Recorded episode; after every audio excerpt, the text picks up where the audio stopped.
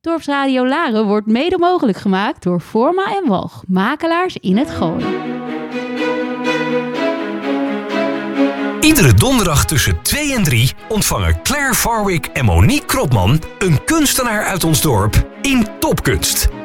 Deze week is dat Robin Speyer. Robin Speyer studeerde in 2019 af aan de HKU in Utrecht in Fine Art. In 2019 won zij de Dooyewaard Stipendium. Robin Speyer maakte schilderijen waarin ze op zoek is naar een balans tussen figuratie en abstractie.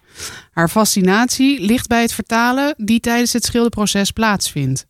Die begint altijd bij een bestaand materiaal. Sinds een aantal jaar ligt dit beginpunt bij textiel. Voor dit proces vergaart ze een grote hoeveelheid aan kleurrijke stoffen. In de plooien, patronen en texturen zoekt ze naar interessante uh, constellaties die zich hierin kunnen vormen. Ze haalt de stoffen in haar schilderijen uit de oorspronkelijke context, waardoor het zijn betekenis en doel verliest. Zo kan de kijker de schilderijen met een open blik benaderen.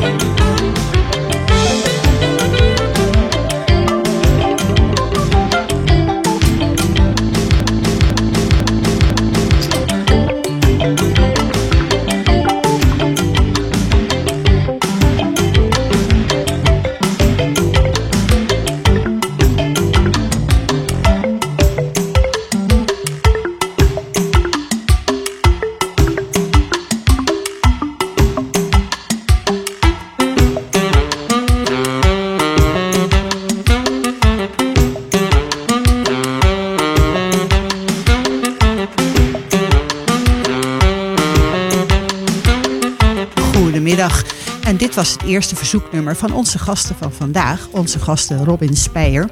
En zij heeft gekozen voor het nummer van de Russische zangeres Kate NV.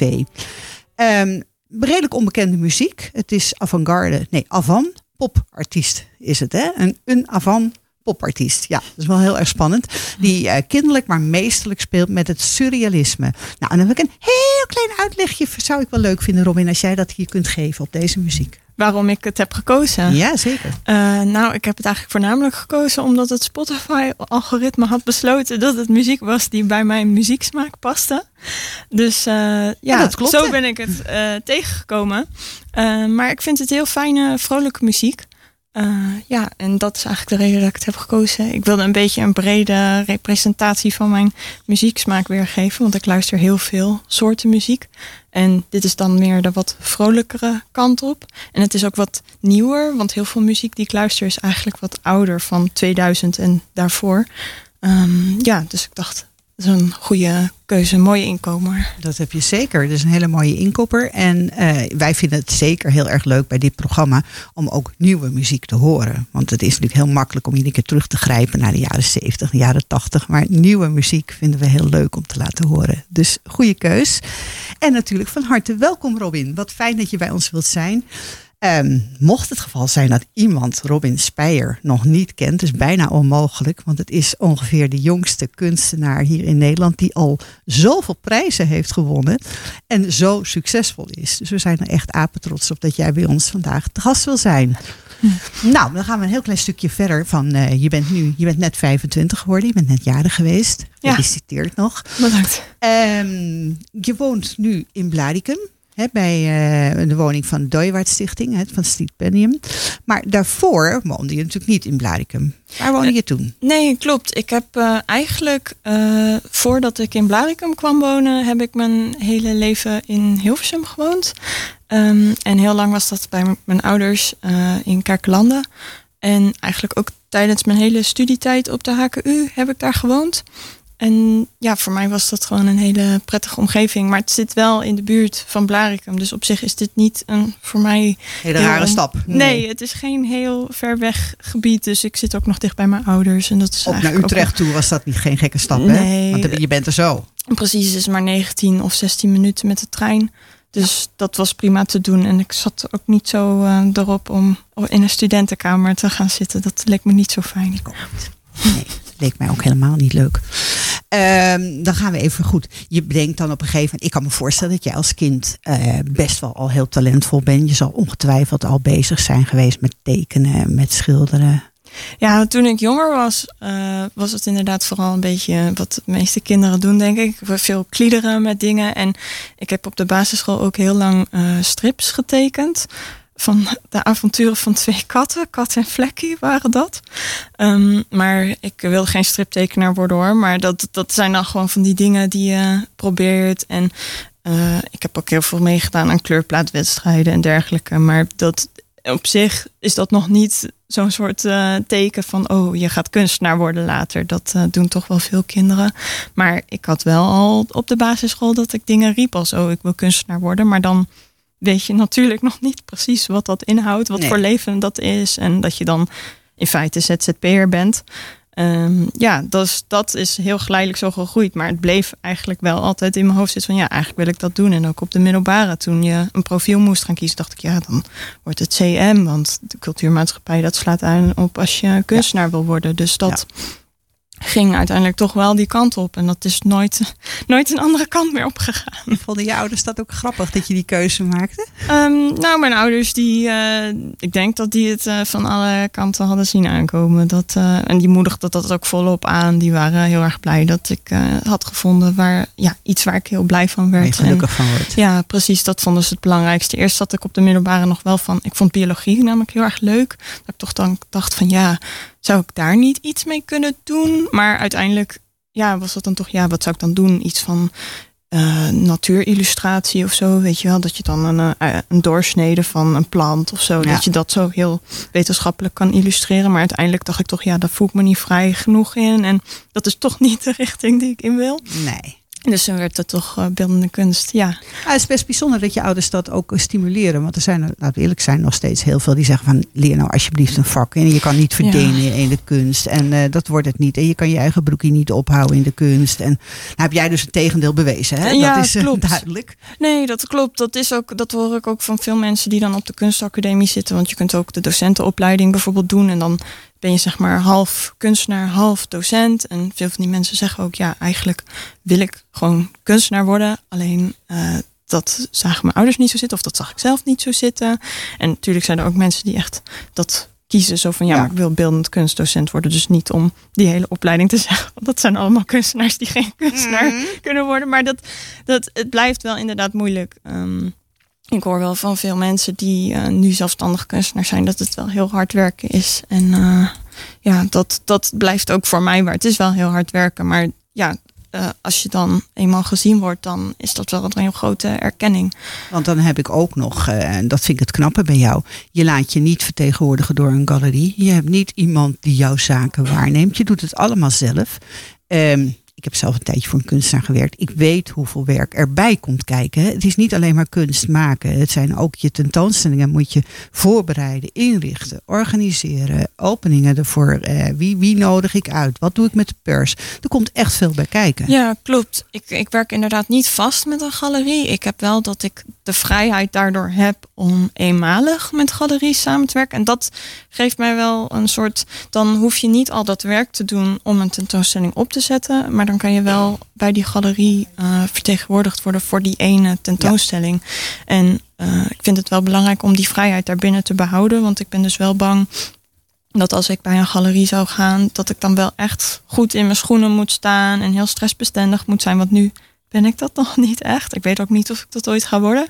Maar uh, op dit moment vind ik het fijner om nog even vrij mezelf te kunnen ontwikkelen. En misschien dat ik later nog denk van goh, toch, ik wil toch bij een galerie permanent. Maar op dit moment vind ik dat vrij. Uh, is een, een hele luxe fijner. positie. Ja, hè, dat is wel een hele luxe positie. Inderdaad. Ja. Ik ben me er ook van bewust dat veel kunstenaars die willen juist heel graag bij een galerie. En het is ook echt iets persoonlijks dat ik dan daarvoor kies om dat niet te doen. Want veel anderen die ik ken die wel bij een galerie zeggen, zeggen ook ja, het is zo fijn dat ik niet hoef na te denken over de verkoop en over dit en over dat. En dat de galerie alles voor me doet. En denk ook ja, in bepaalde opzichten zou ik dat ook fijn vinden. Maar in andere opzichten Nou ja, is het ook weer een beperking. ja, en daar heb je wel gelijk in. Het heeft namelijk ook zijn beperkingen. En jij hebt nu de vrijheid om letterlijk je vleugels uit te slaan. Ja, en dat je denkt, en het is niet erg als je een keertje een keus maakt dat je denkt, nou, zakelijk gezien was dit minder succesvol, maar voor mij, voor mijn, voor mijn gewoon mijn artistieke ontwikkeling, was dit heel fijn. En dat zit je natuurlijk met een galerie toch iets beperkend. Ja,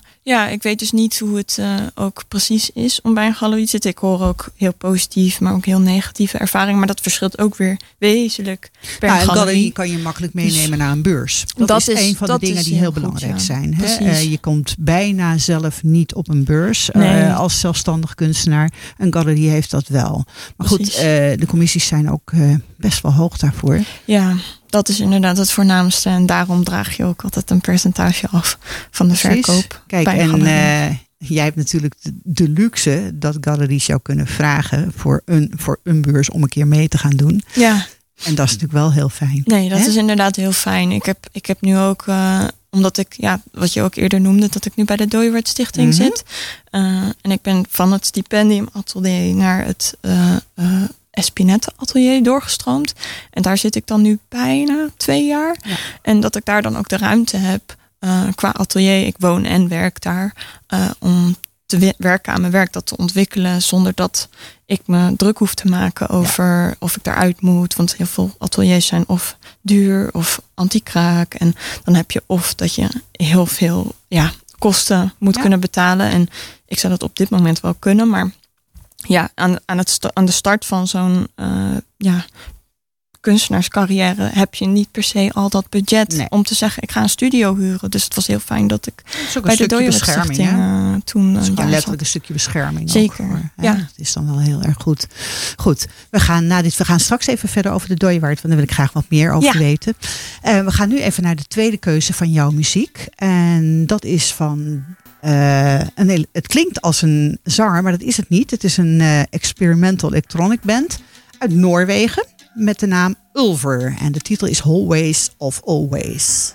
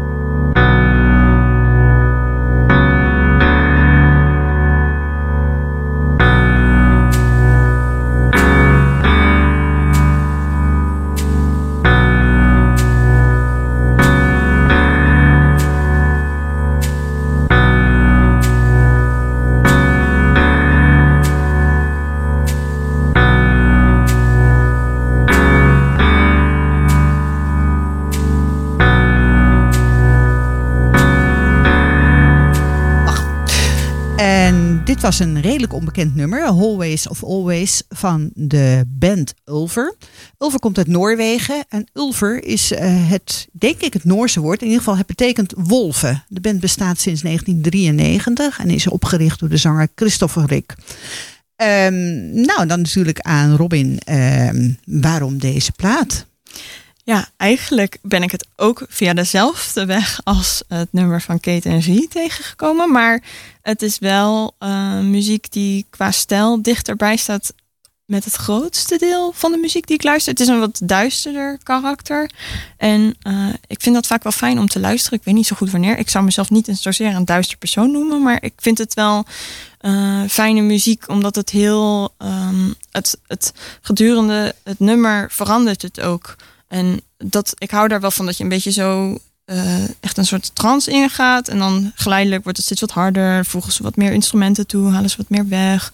En um, uh, ja, ik, ik, dat trekt mij gewoon heel erg. Ik vind dat vind ook heel je fijn. dit ook om, fijn om te horen als je aan het werk bent? Ja, als ik aan het werk ben, vind ik dit hele fijne muziek om te luisteren. Dat, uh, het, het neemt namelijk mijn aandacht niet te veel weg.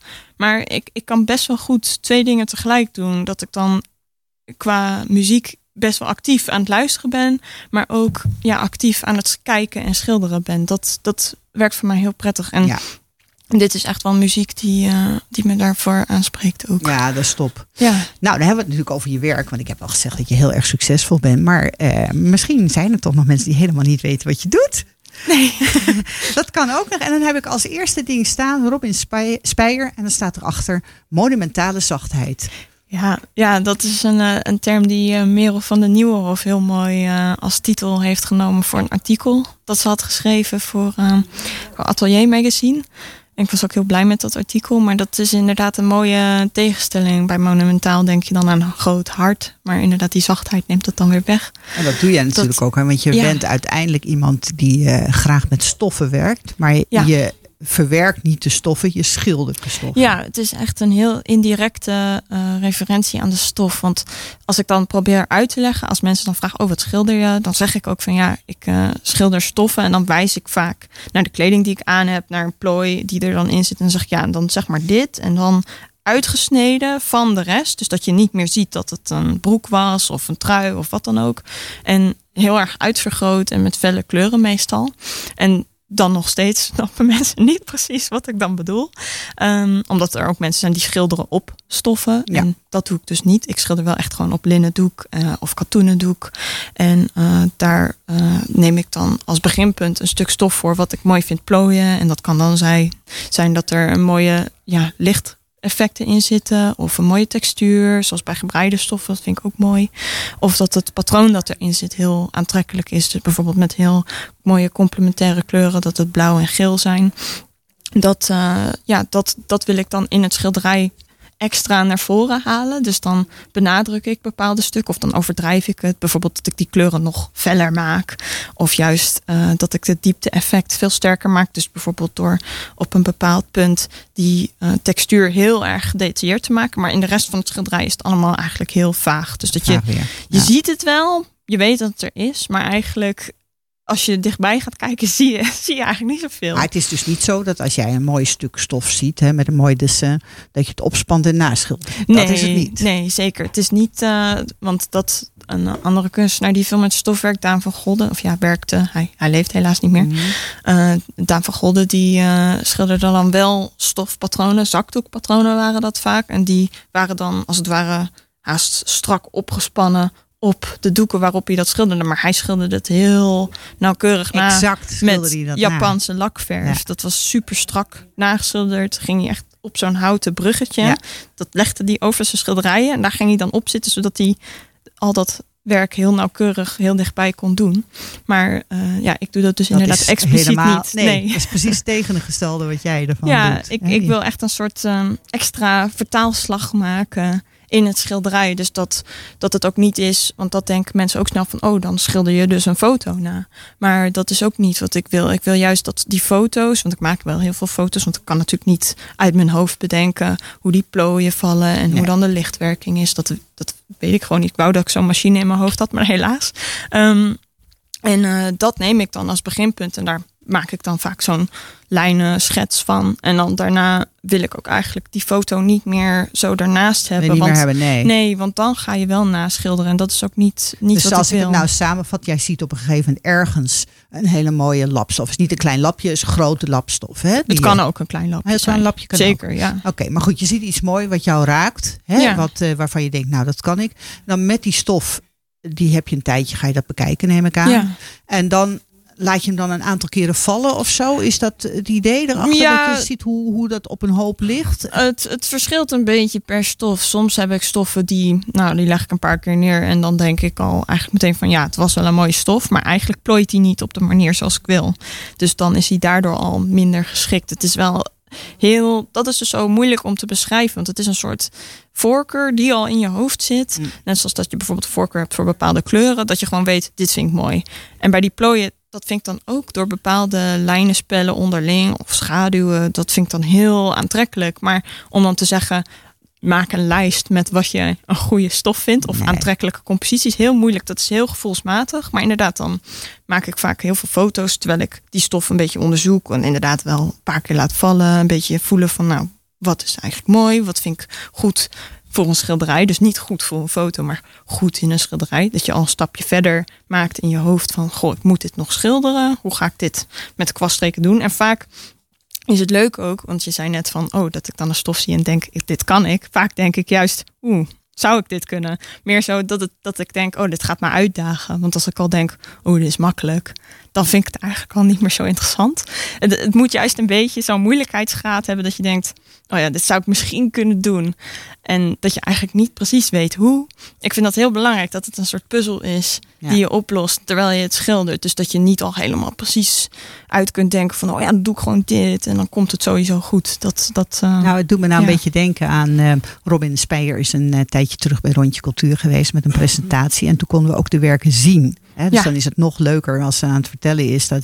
En er zat één werk bij, dat was dus inderdaad wat je er straks al noemde, gebreide stof. Ja. Nou, dat is niet iets waar je gauw aan denkt. Dat je denkt, gebreide stof ga ik gebruiken voor een schilderij. Maar het was waanzinnig. Het was echt heel erg mooi. Oh, dat waardeer ik heel erg. Ja, die gebreide stoffen, die texturen, die trokken me in het begin echt heel erg aan. Dat is, eh, ik heb, ben steeds meer uitgebreid van dat ik ook licht bijvoorbeeld heel interessant vind in stoffen. Maar inderdaad, dat gebreide, dat, daar moet je ook die warmte een soort van weergeven. Want gebreide stoffen zijn natuurlijk warm. Ja. En dat wilde ik heel graag overbrengen. Dat Nou ja, en wat je dan de neiging hebt is, heb ik dan altijd, dan zit ik aan te kijken, dan heb ik de neiging om er aan te komen, om te voelen. Wat ik dan weet, het is niet zacht. Nee, natuurlijk is het niet zacht, het is een Nee. schilderij.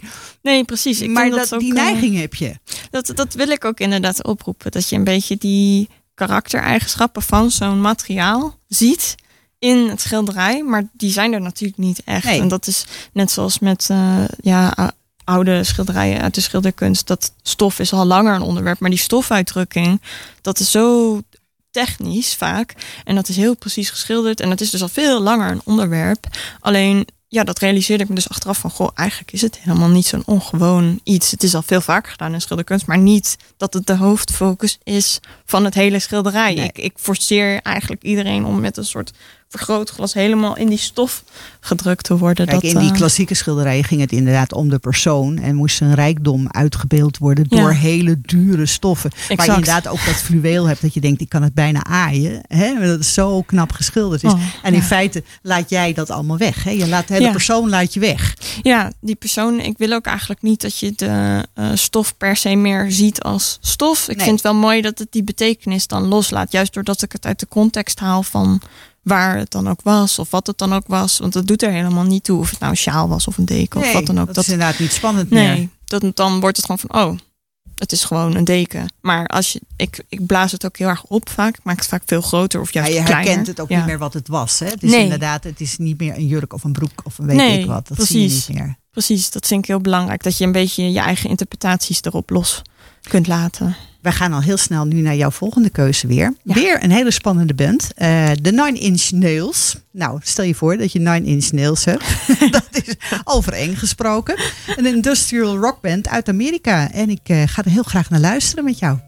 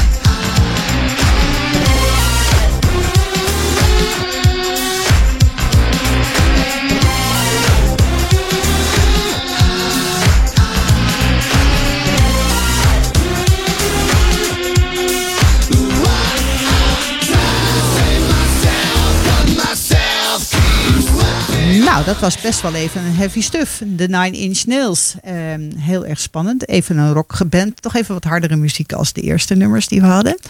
Ehm, kwam deze ook zomaar op je pad of heb je dit echt gekozen? Nee, dit heb ik ook echt eh, eh, zo uitgekozen. Maar dit, eh, ik heb eigenlijk haast alle albums van Nine Inch Nails, denk ik, tijdens mijn HKU-tijd helemaal kapot geluisterd, om het zo te zeggen. Dus, eh, maar dit was wel een van de nummers waarvan ik dacht, oh ja, dit, eh, dit is wel een beetje een goede representatie voor veel van de nummers. Maar ze, zij maken ook heel veel eh, soorten. Dus ja, eigenlijk raken zij heel veel genres aan. Want ze hebben zowel wat hardere muziek als Ja. wat meer elektronisch zacht. En ook van zang tot instrumentaal. En ik vind dat allebei wel eh, werken. Ik vind het allemaal erg eh, fijne muziek. Ik vond hem ook mooi. Met, er eh, zit een lekkere werkenergie in. Dus daarom is het ook fijn om tijdens het schilderen te luisteren. dat snap ik dus. Als je dat luistert, denk je van, oh ja, lekker. Gaan we mee verder. Ja. Ik had nog even, je noemde het net nog even weer. We hebben het heel kort er maar over gehad over de HKU. Dat staat natuurlijk voor de Hogeschool voor Kunsten in Utrecht. Ja. Ehm, nou begrijp ik dat je daar eerst een, eh, een soort voorstudie hebt gedaan. Hè? Beeldende kunst voorstudie. Dat betekent algemeen kunst. Ja, de vooropleiding, dat is eigenlijk het traject waar je dan ingaat. eh dat je dan ook nog, eh, als je dat hebt afgerond, kunt kiezen. Nou, ik wil misschien toch docent doen. Maar het is ook een soort certificaat. Dus als je dan naar een andere opleiding toch besluit te gaan, dan kun je ook zeggen: Oh, kijk, ik heb de vooropleiding gedaan bij de HKU. Ehm, maar voor mij was dat echt. ik zat toen nog in mijn examenjaar eh, op de middelbare school. Maar eh, ik wilde toen toch wat extra erbij hebben. Want de vooropleiding was op zaterdagen elke week. Dus dat kon ik er dan bij doen. En dat was voor mij eigenlijk wel heel fijn. Dat ik dan ook al eh, creatief bezig kon zijn. Los van alle studie-examen dingen. Dat het, dat het een beetje nog een soort je representatie bent had nog heel in jong dan, hè? Als je daar, ja. toen je daar naartoe ging. Ja, nee, maar dat, dat klopt ook. Eh, het is wel grappig inderdaad dat veel van mijn studiegenoten, die waren ook eh, ouder. Eh, die hadden dan al een bachelorstudie voor mij gedaan. En, die, of die waren gewoon later dat ze hadden besloten, nou ik wil toch kunststudie doen. Dat je Ja. dan eerst een studie doet, bijvoorbeeld kunstgeschiedenis, maar dan toch besluit, nou ik wil eigenlijk toch beeldende kunst doen. Of toch docentenopleiding dan kunst. Willen ze dit doen, maar ja. ja. maar ik ben echt direct van de middelbare naar de fine art Ja. opleiding gegaan. Ja. Goed, en dat heb je dan gedaan. En dan, eh, er stond een hele chique titel bij. Eh, moest ik eerst ook nog weer vragen natuurlijk. Want er staat visual arts. Ik denk, wat is dat dan? Ja, dat is beeldende kunst. Ja, die heb ik weer geleerd vandaag. Ehm, weet je, twintig jaar druk in de kunst en het dat dan weer niet weten. Ehm, daarna ga je dus de HKU doen. En dan ga je inderdaad de fine art. Hè? Dat is Ja. wat je dan helemaal gaat doen. En ben je dan ook direct dan al bezig met die stoffen? Of ga je dan ook alle onderwerpen als beelden eh, maken, schilderijen maken, alles door? En kom je uiteindelijk tot een specialisatie? Ja, het is inderdaad een soort trechter waar je in komt. Want het, dat, met die stoffen, dat, dat had ik ook helemaal niet. Voor de HKU was ik daar helemaal nog niet mee bezig. Ehm, en wist ik ook niet zo goed wat ik precies wilde doen. Ik had wel zo'n gevoel van, ik wil waarschijnlijk schilder worden. Dat was eigenlijk het meeste wat ik in mijn hoofd had. Maar inderdaad, in het begin moet je eigenlijk nog alle disciplines doen. Dus dan willen ze dat je gaat tekenen. Willen ze dat je films gaat maken, performances gaat doen. Dat je met fotografie aan de slag gaat. Het liefst ook dat je gewoon een beetje van alles wat probeert. Dat je niet al van tevoren dingen afschrijft. Zo van, oh ja, maar ik weet al precies wat ik wil doen. Maar dat kan Nee. helemaal niet als je niet al alle andere dingen ook een beetje hebt geprobeerd.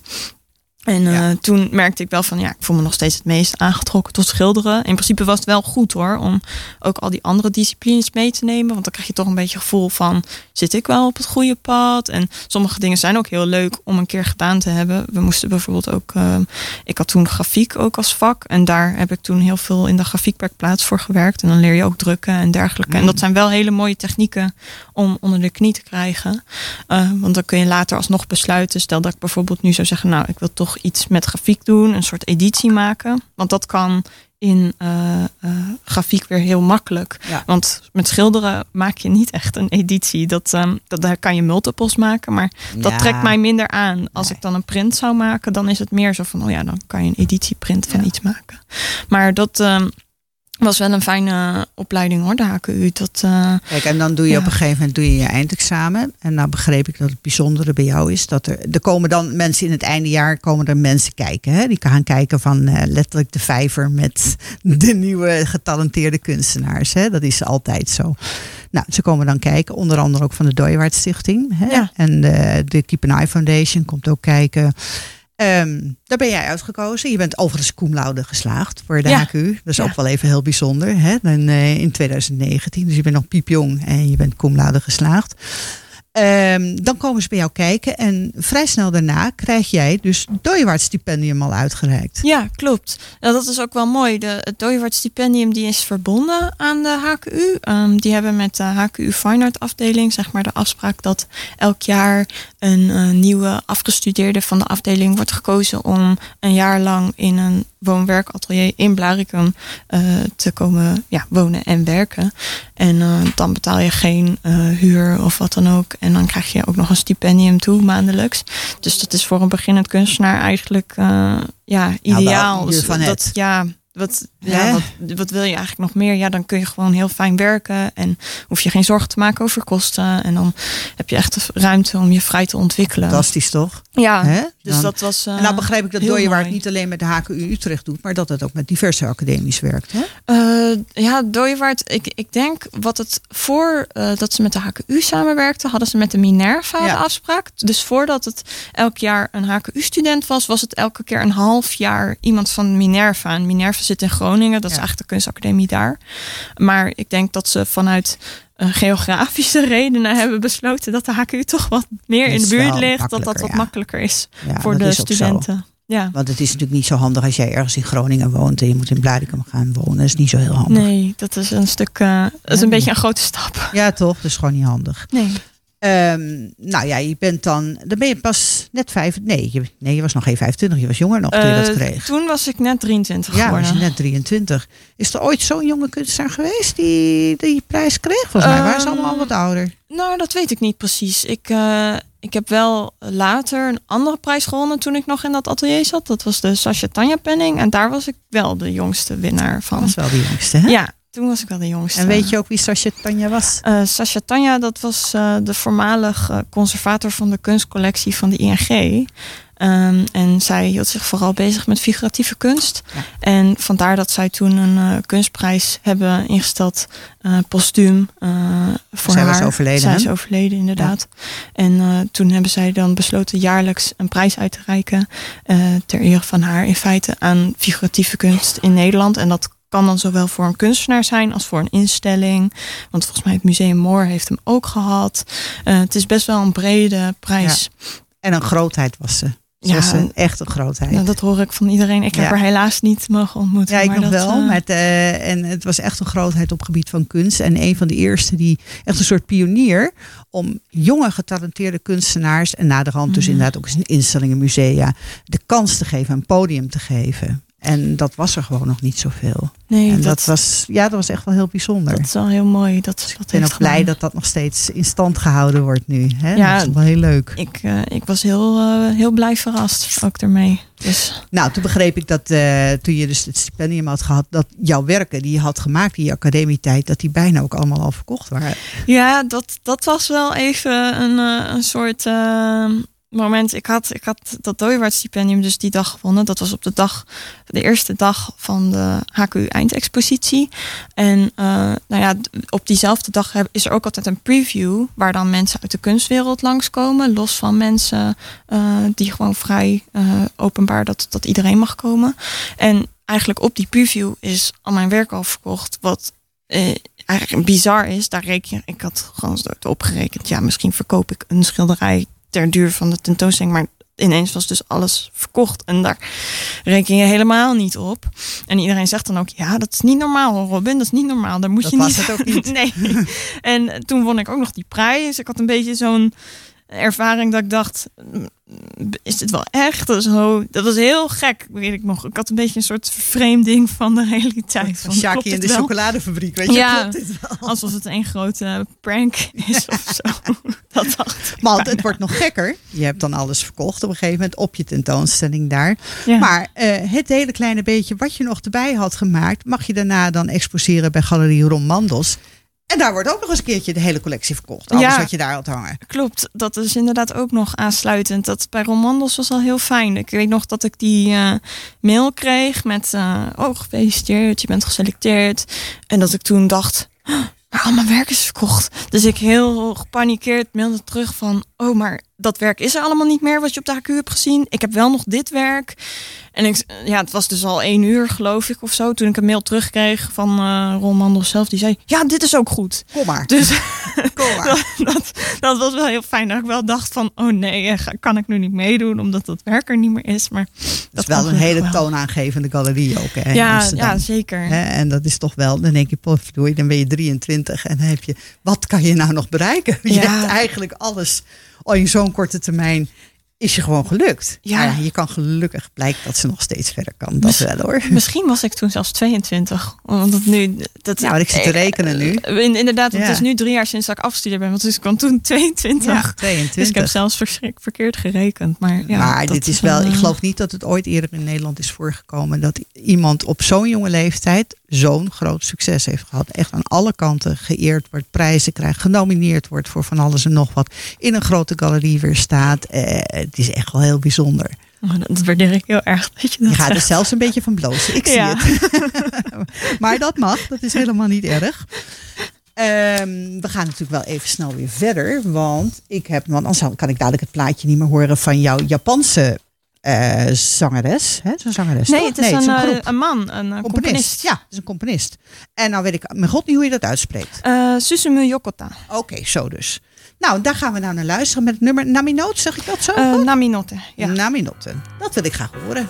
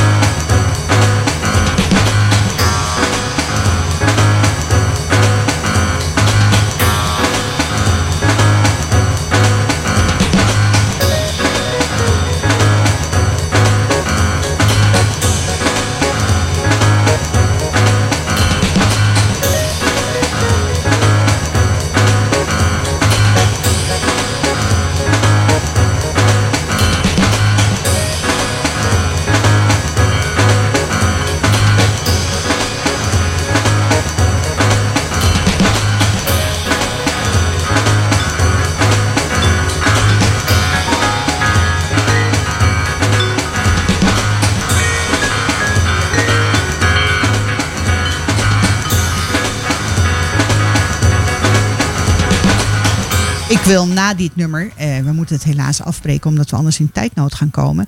Want ik heb nog een aantal schilderijen waar ik toch even heel graag de aandacht op wil hebben van jou. En dat is onder andere het werk, wat, eh, want het zijn niet de minste klanten die eh, Robin heeft. Want ze is bij de academie klaar en hebben een museum voor Linden.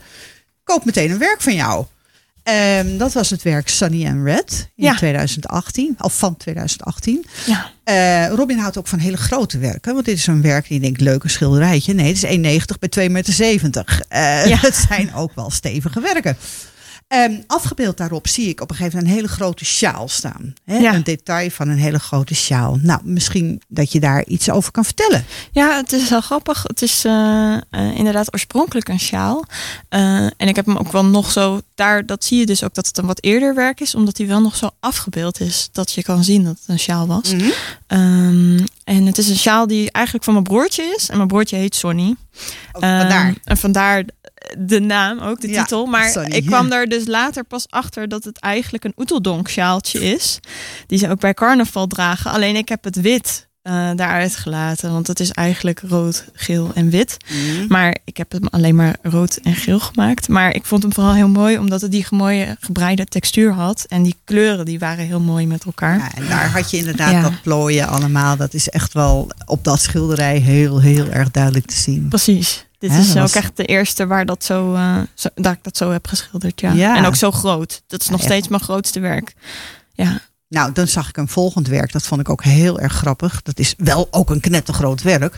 Dat heet He Said They Were Like Rice Crackers. Ja. Dat vond ik ook wel heel. Dat is een werk van 160 bij 120 centimeter. Dus Ja. ook echt hartstikke groot. En volgens mij kwam daar eh, jouw vriendje tevoorschijn. Ja, eh, voor mij, eh, het is wel een leuk verhaal inderdaad, die titel. Ik, had, ik heb namelijk een jurk met die stippen. En ik had die jurk op een gegeven moment aan. En eh, we waren toen aan het ontbijten. En ik eet vaak rijstwafels ook bij het ontbijt. En eh, ik hield zo een van die rijstwafels zo erbij. Want eh, mijn vriend had gezegd van... Oh, dit is net zo groot als een rijstwafel volgens mij. En het was echt precies zo groot als een rijstwafel. Dus vandaar. Maar later had ik dus ook dat ik die stof bekeek. En dacht, oh, eigenlijk misschien is dit wel mooi voor schilderij. Dat heb ik dus wel eens. Dat ik soms gewoon mijn eigen kleding ook zie. En dan denk oh, misschien kan ik dit wel vertalen naar een, een doek. En ehm, ja, zo is dat eigenlijk gekomen met die titel. Dat, eh, Leuk. dat is wel leuk. Dat Ja. ook wel een beetje personal touch Ja, toch? heeft. Ja.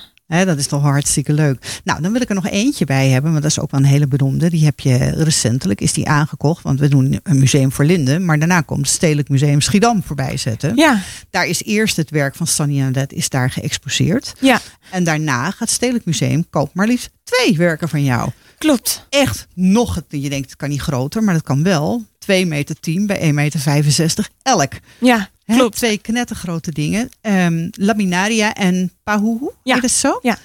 Nou, dat zijn namen. Ja, eh, klopt. Het, het is dus een soort tweeluik. En eigenlijk is de één ehm, eh, laminaria, dat is gebaseerd op een wiersoort. Eh, een soort alg. En dat deed me eraan denken omdat het blauw met geel is. Dus dan lijkt het net zo'n soort wier die daar groeit. En pahuhu, dat is eigenlijk een woord voor touwlava. En dat komt omdat dat rood met geel leek ook haast op een soort lava. En ja, het is een woord dat oorspronkelijk uit het Hawaiiaans komt overigens. En laminaria komt uit het Latijn. Dus ja, ik hou er wel van dat soort titels. Ik vind het fantastisch. Het maakt ook heel sprookjesachtig ervan. En ik vind de werken, Ah. ik heb ze in werkelijkheid mogen zien. Het zag er fantastisch uit. En wij gaan knetter, knetterhard door de tijd heen. Ehm, ik moet hem gaan afsluiten, Robin. Ehm, Ja. Ik heb het onwijs leuk gevonden om met jou dit gesprek te voeren. Eh, ik denk dat we met z'n allen veel meer over geleerd hebben allemaal weer. En eh, ik wil je bij deze heel hartelijk danken. Erik, dank je wel dat jij achter de knoppen hebt gestaan vandaag. Claire, dank je wel. En ik geef eh, heel graag het woord aan Claire bij deze. Nou, dat wordt een hele korte afkondiging, want we zijn er alweer doorheen. Robin, dankjewel. Voor volgende week blijft nog even een verrassing wie we krijgen. Maar ik kan je wel zeggen, het wordt weer erg leuk.